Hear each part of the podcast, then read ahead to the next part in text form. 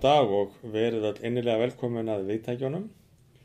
Við uh, sér að Adda Steina Björnsdóttir og Sveit Magnusson við erum ennum sama heikarsótið. Við erum að velta fyrir okkur tekstum næsta sunnudags hér í, í podcastinu Guð spjall. Næsti sunnudagur, samkvæmt kirkjaárinu, er hinn næst síðasti sunnudagur kirkjaársins. Það fara að koma áramót alltaf steina. Það fara að koma áramót. Áramótin okkar eru nefnilega þegar aðvendan byrjar. Og það er þessi tími kirkjársins. Kirkjárið er alltaf eins og eitt stórt drama. Það byrjar með undirbúningnum fyrir fæðinguna mm eða komuna. Og síðan, síðan fyrir við gegnum í raunni bensku krist og, og, og uppastar ár og síðan kemur langur fræðslu tími. Og um þetta leiti árs erum við alltaf komin að, að horfa fram til endalokana. Já, dómurinn nálgast. Já, dagur drottins. Dagur drottins og, og það er nú svolítið skemmtilegt að í dag er fyrirritningaresturinn eða leksían úr bók sem er, er nú svo sem ekkert ofta okkar borðum þegar við erum að velta þessu fyrir okkur að það. Það var sjálfdan en, og þetta er lítil bók en bísna áhrifða mikil svona í kannski litteratúrsögu heimsins. Já, vilt þú ofinbera og segja hljómsöndu hvaða bók þetta er? Já, þetta er sem sagt spátumsbók Sefania en Sefania var einn af minni spámununum.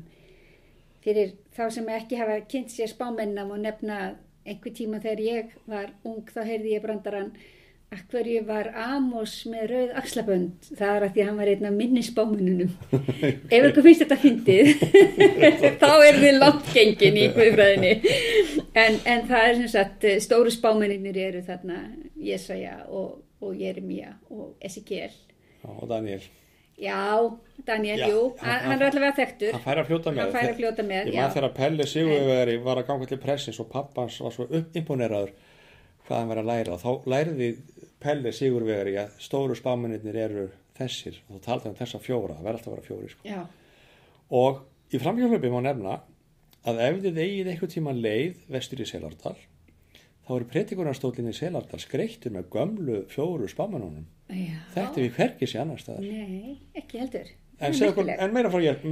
Já, eh, ég ætlaði kannski fyrst að nefna að gott er að hlustendur kynni sér nú, séu þeir ekki guðfræðingar, eitt orð sem er orðið eskatológia eða heskaton er gríska orðið sem þetta er dreyið af og síðastur fallar um hérna hinstu tíma. Þetta eru fræðin um hérna hinstu tíma og það er það sem við kallum í rauninni eh, umræðuna eh, sem snýr einhvern veginn að bæði degi drottins, endur komu drottins eða á einhvern haft síðustu tímum, endalokana, dómurinn, allt, mm. allt, allt slík umræða er kalluð eskatológia og í rauninni Guðspjallið er úr Mattiusi og þar er í rauninni, myndi ég segja, kapli 24 og 5 er og minna helgaðir alveg sérstaklega 2005. kaplið þetta helgaður þessari Já. eskatológísku umræðu hjá Mattiusi.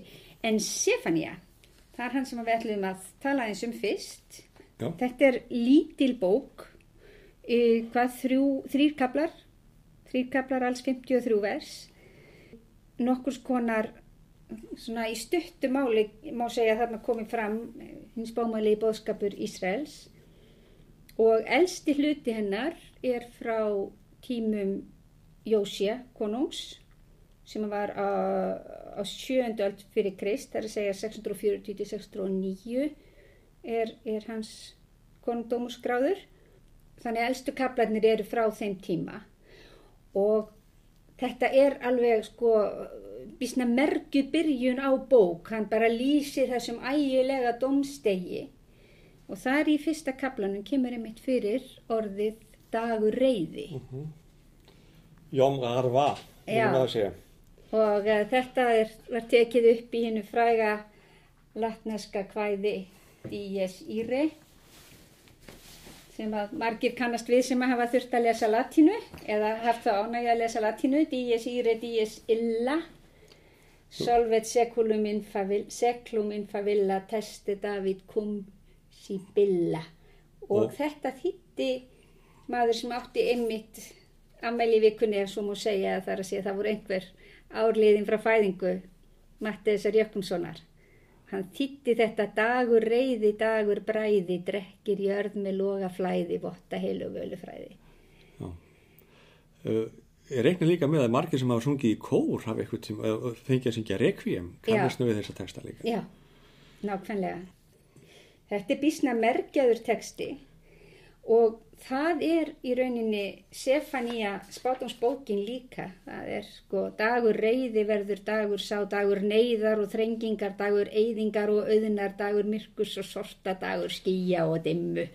Þetta, þetta er bísna spátumlegt. Þetta er merkjað, það er merkur í þessu sko, en hins var er, svo við upplýst lesendur um það, að mm. þetta er hlustendur að þetta er nú ekki sá texti sem leikur til grundvallar í dag. Nei, vegna Nei. þess að í þriðja kabla, þarna í lokin á, á hjá honum uh, Sefania, þá hefur dagur domsins breyst í dag endurlausnar. Mm -hmm. Þannig að uh, við erum með þarna uh, þriðja kabla, vers 14 til 20 og þar er sko bara gleði. Það byrjar bara að hrópað á gleði síunar dóttur, fagnaðu hástöfum Ísrael. Og sá kapli gengur út á að á, á þeim degi verður sagt við Jérúsalem óttastu ekki og látt ekki hugfallast. Já. Þannig að þarna er í rauninni ekki áherslan á dóminn, heldur á endur, lausn og frelsun. Það menn eru komnið fyrir vind.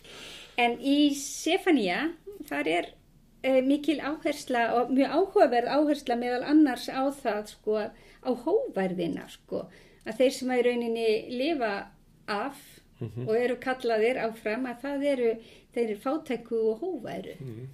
Sælir eru miskunnsamir og hóverir Já og þetta er svo sem mjög spámanleg áhersla ha. og í Sefania sér maður líka svona uh, ádeiluna á þá sem að sko eru ríkir og og eru svo sem ekki að afneita Guði en hafa hann að engu í lífi sínu. Mm -hmm. segja bara að drottin mun ekkit á það var skorki gott mjög ill sko.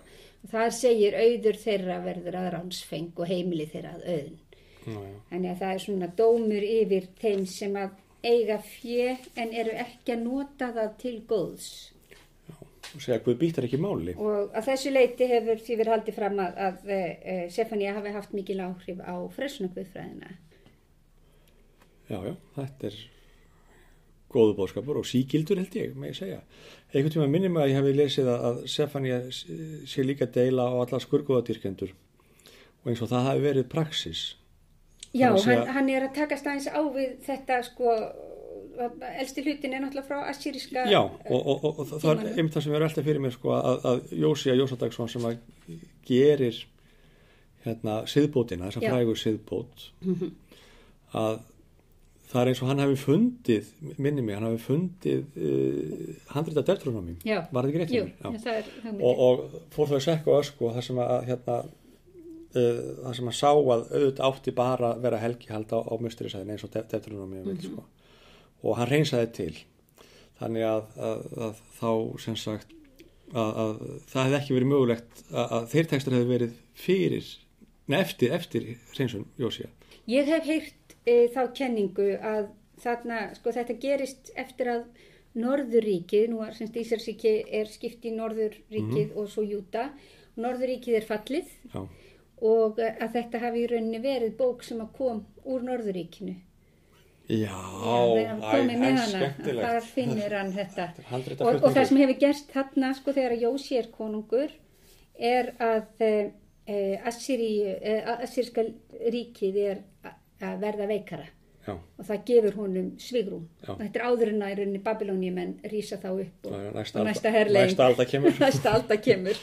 Já, en um, þannig að eh, það, það, það passar alveg við það og hann er þarna takast sko, á við þetta með, með skurgoðadýrkun eða, eða bara fjölmenningu mm -hmm. í mhm. landinu e, það er hins vegar sko uh, stendur í þeim glósum sem ég hef að, að um, elsti hlutin er frá, frá sjöndöld en, en yngri hlutar yngstur frá hellenskum tíma sko, já, bara þriðjöld fyrir já, Krist.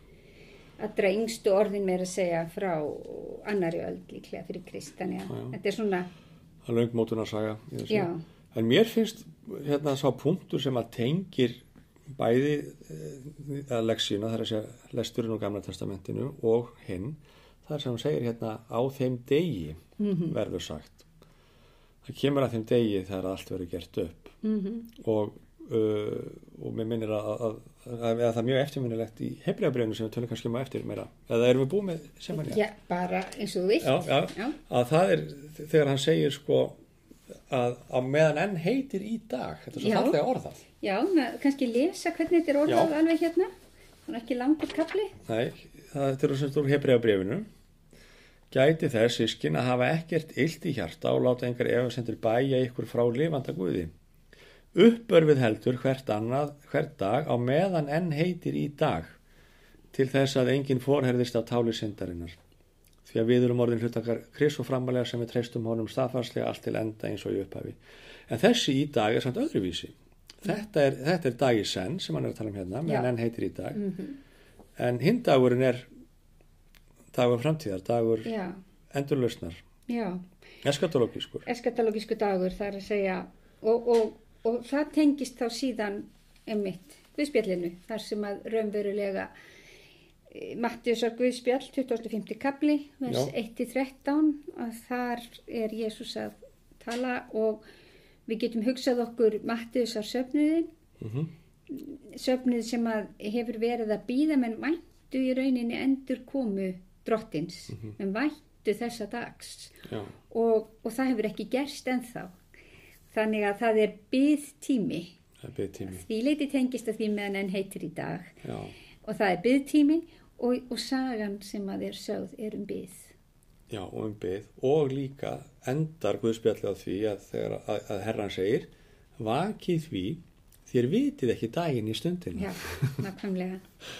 Þetta er hérna mér finnst þetta skemmtilegu þráður sem líkur gegnum alla þessa alla þessa texta sem að kannski svona við fyrstu sín uh, eiga ekki svo marg sammeilegt Nei, nei, ég má segja að Lexian, hún fjallar, hún er eskatológisk, hún fjallar um, um, um einstu tíma, vissuleiti.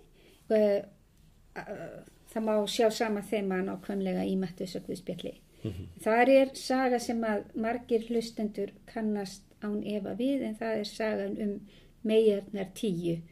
þar sem að þær átt að fara til móts við brúkumann með lampa sína og fimm, fimm voru höfðu sol og forsjá og, og tóku með sér auka skamt af olju en fimm gerðu það ekki og það er eh, ef ég má fara eins í þessa sögu þá er Endilega. ákveðin bakgrunnur þarna já, sem er að, að eh, þetta er brúðkaup þarna á já, fyrir 2000 árum fyrir botni miðarhafs og þau fóru þannig fram að sko trúlofunin það var í rauninni það var í rauninni þegar að menn höfðu heitin og, og það var sko hinn má segja, já, trúarlega aðtöfn mhm, e, hún fór oft fram talsvert áður og e, þið munum kannski eftir með Mari og Jósef að þau voru trúlofuð en Mari bjó ekki hjá Jósef sko.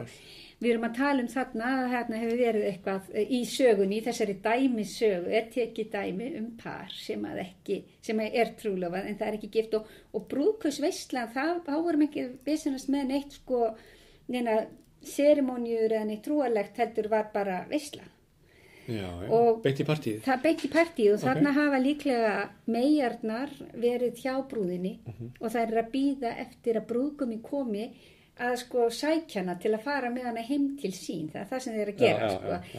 Að brúðkaupið er haldið þegar brúðurinn fer heim til brúðgumans og það gerðist víst oft að uh, þeim dvaldist. Nú. Þannig að Það, ég sá það allavega í einum kommentar að hefur alveg geta, átt að geta sagt sér að sjálfar að það væri betra að hafa svolítið aukalega olju Já, já. og verðast að átt að einhvern veginn hafa einhvers konar skrúðgöngu þarna og þess vegna vera með ljós. En það voru bara sem sagt fimm sem hafðu tekið með auka olju en hinar hafðu ekkert og þegar að brúðguminn kom loksins þá voru fimm lampar tómir og e, þær þurfti að fara að kaupa sér olju og urðu of senar í brúðköpið. Þá kemur auðvitað, þá, voru, þá var þeim ekki hleyft inn sem var kannski það erfiða í sögunni. Já, það er vonda sko. Það hefði verið dálalegt fyrir þar að býja eftir Jóni Sigur sinni að koma heim til sína heit, með heim á Ísland. Já, það hefði verið mikil olja. mikil ólja, það er aðra fáina tunnur. Já, Já, en, en það er ekki löstu að maður finna svolítið til með þessum fávísu. Maður gerir það. Það sem ég finnst kannski erfitt í þessu texta er, er hérna að uh, það er náðin sko, hvað er hún? Já. hvað er fyrirgefningin? Nákvæmlega. Eh, Það eru þarna þrjár, það eru þrjár sögur þarna í 25. kabla mm Mhm. Matteusguðspjáls. Það eru tíu megar, það eru talenturnar Já, og það er sagan um dómstag þegar mannsónurinn kemur og, og skiptir eh, öllum í, í hafra og sögði í rauninni já, og segir bara, þú veist, aldrei þekkti ég þig, þú veist, þú, þegar, þú þekktir mig ekki, þú, þegar ég var í fangelsi þá komstu ekki, ég var svangur og þú gafst mér ekki að borða já. og ég var nakin og þið klættu mig ekki og svo framvegis. Og það er þemað þarna í þessum kabla. Já. Svo er það sagan um talenturna líka. Það er rauninni sama þema. Það, er, það skiptir máli hvernig já. þú lifir og hvað þú gerir með á byggtímanum. Það sé að skiptir máli hvernig þú notar byggtíman og hvernig þú undirbýr þig. Það er bara tómt mál að tala um dóm ef hann getur ekki fallið á hvort sem er. Er það ekki? Það- Ég reikna með að dómara getið fallist á það að, Jú, jú. að hérna, dómur, arbitrer, hann sker úr um hvorum einn þetta, þetta veldur. Já, Er það ekki? jú. Og, og yfirleitt er það nú, og held ég ekkert yfirleitt, alltaf verið að gert á einhverjum rökum og, og, og, málsefnum, Mm hlýtur að vera.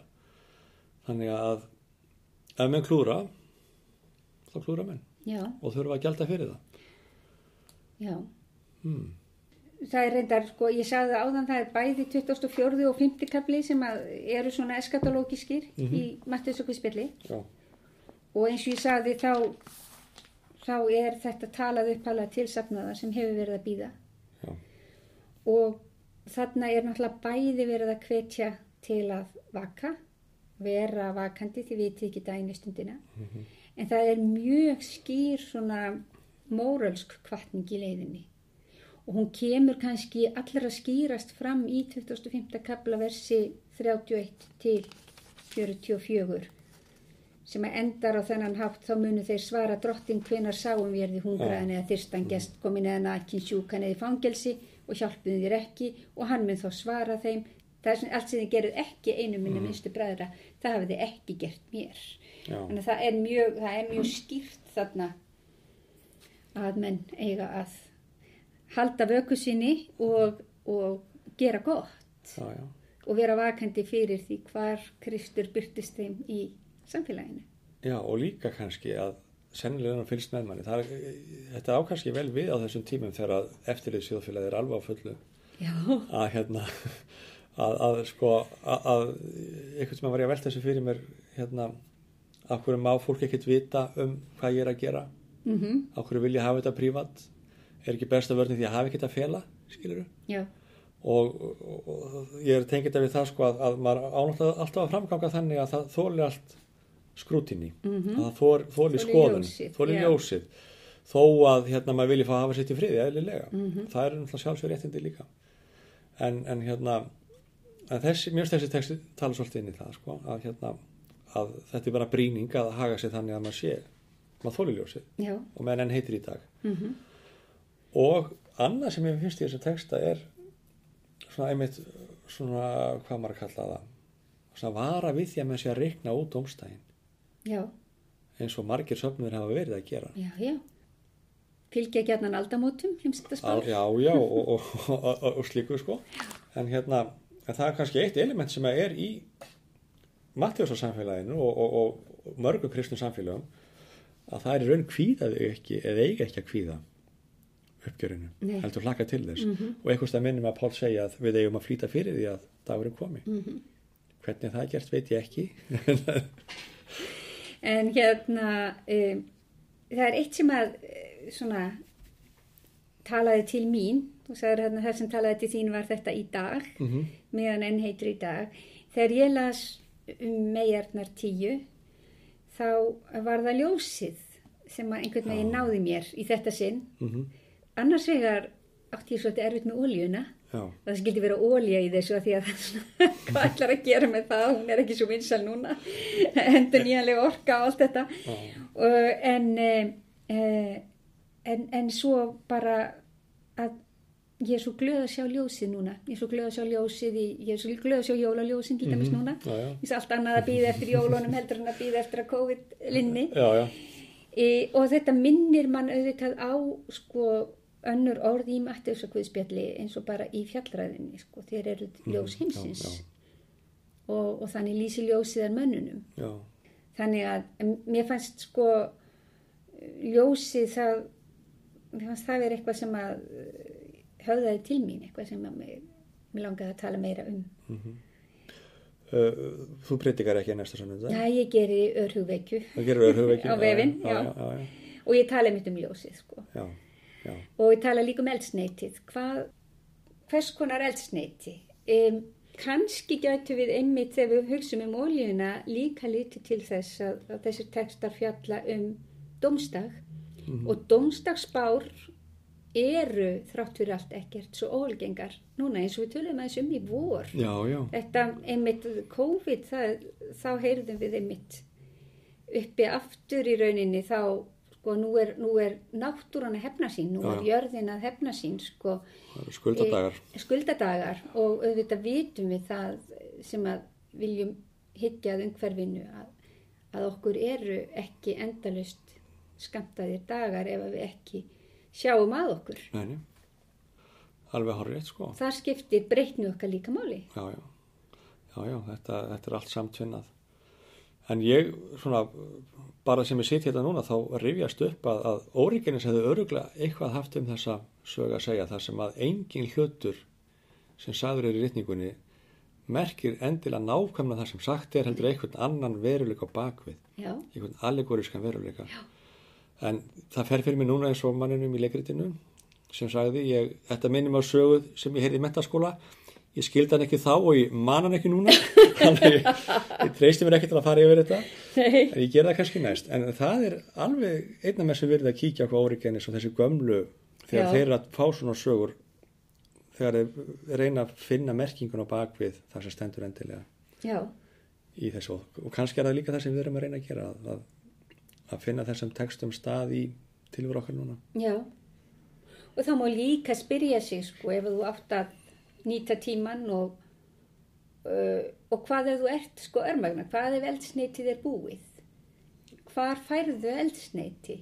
já, Hvar færðu ólíu á lampan þinn núna? já, já. Ef þú ert þreyttur eða þreyttur núna? bensinljós, útbrunnin Já, það er nú málið, það er og það, og er það þér að kenna já, er það þér að kenna því að þú glemdir og við náttúrulega heyrim heilmikið um þetta í samfélaginu í dag. Eh, Það er til burnout syndrom, hvað er aftur kallað á íslensku? kulnun núna Kulnun, það er þetta verið kulnun. En það má líka sjá það bara á aðeins minni hátt, sko, við erum, það er til COVID-þreita Mhm. eða sóttarþreita eða hvað maður vilja kalla það. Við erum þreytt á þessu, við vitum ekki hvað verður, dæmið við hérna í kirkjunni sem horfum fram til aðvendu sem við ekki hugmyndum hvernig verður. Alveg. Ég ætla ekki að ljúa því að það auki mér kraft nei, að horfa það þannig, en það sem við þurfum auðvitað að gera er að, er að reyna samt að bregðast við já, og e, sjá fyrir okkur fleiri möguleika heldur en það sem við erum að gera. Og ég velti því einmitt mikið fyrir mér, hvað, hvað gefur mér þá kraft? Hvað gefur mér kraft þegar ég er, mér finnst bara að vera eh, bæði stormur og örmögnun í heilabúinu. Mhm. Og eitt af því sem gefur mér kraft er bænin. Er, er, eða, og þá er ég hugsun sko bæn og íhugun. Og gjarnan þá uh, að, að, sitja og kyrra hugan og ná að bara hlusta. og, og, og einmitt og regluleg yðkun Já, íþkun. hún, hún ski- y- y- yðkun bæna lífsins og, og, og, og hérna helgi, þess helgar sem að getur þó gert sjálfur Já, af því það er alveg hægt líka já. Annað sem að gefur kraft er að fara út í náttúruna. Mhm. Aftur það sem við viljum varveita og forðast að dómstafur komi sem fyrst. Já, já. heldur uh, vinna að því að, að eh, vinna, og, vinna og hlúa náttúrunni því að það er hún sem við finnum það að við förum þannig og hún tekur ekki frá okkur, hún gefur okkur já, bara. já, já. En, um, en það er einmitt, um, ég hugsa svo oft um það sem að móður Teresa sagði þegar hún var spurða bladamanni hvernig hún bæði Mm. hún sagði, ég, hvað hún sagði við Guð, hún sagði ég segi ekkert, ég hlusta bara. Mhm. Já, það er blaðmörn og hvað segir Guð þá? Ekkert, hann hlustar bara. og svo sagði hann, þú skilur þetta ekki, þá get ég ekki útskýrt þetta Nei, fyrir nei, þér. nei. En, en þetta er, er, er lítil, örlítil saga sem að hefur alltaf nátt aldrei til mín og mér finnst gott að minna mig á. Það er stundum gott sit, að sitja bara og hlusta á sig og Guð og, og íhuga og það, það þannig að ég hlaða batterín svolítið. En það sem að kannski er, ef maður horfir aftur á 25. kabla mattvísar, þá er það eigi síður mjög skýrt að þarna er alveg hyggstalaust líka verið að minna á að það skiptir máli að ljósið þitt lýsi þannig að fólk sjáu að það sem þú segir og það sem þú gerir það fari saman. Og þá verður maður líka saltjarðar sem að mann eftir einum smestu. Já, nákvæmlega. En er ekki ágætt að enda á því bara? Jú, Að þetta sé það sem við tökum með okkur hérna, að finna okkur ólíu til að geta haldið áfram að lifa og starfa. Og það eru öruglega mismunandi hvað gefur fólki kraft, hvaða olju, Mhm. hvaða olju hendar hverjum og þá getur maður veltið bara fyrir sér sjálfur og finnir sína niðurstöðu. Og svo getur það kannski sendt okkur línum það, annars verður við aftur í næstu viku. Verðið sæl. Bless.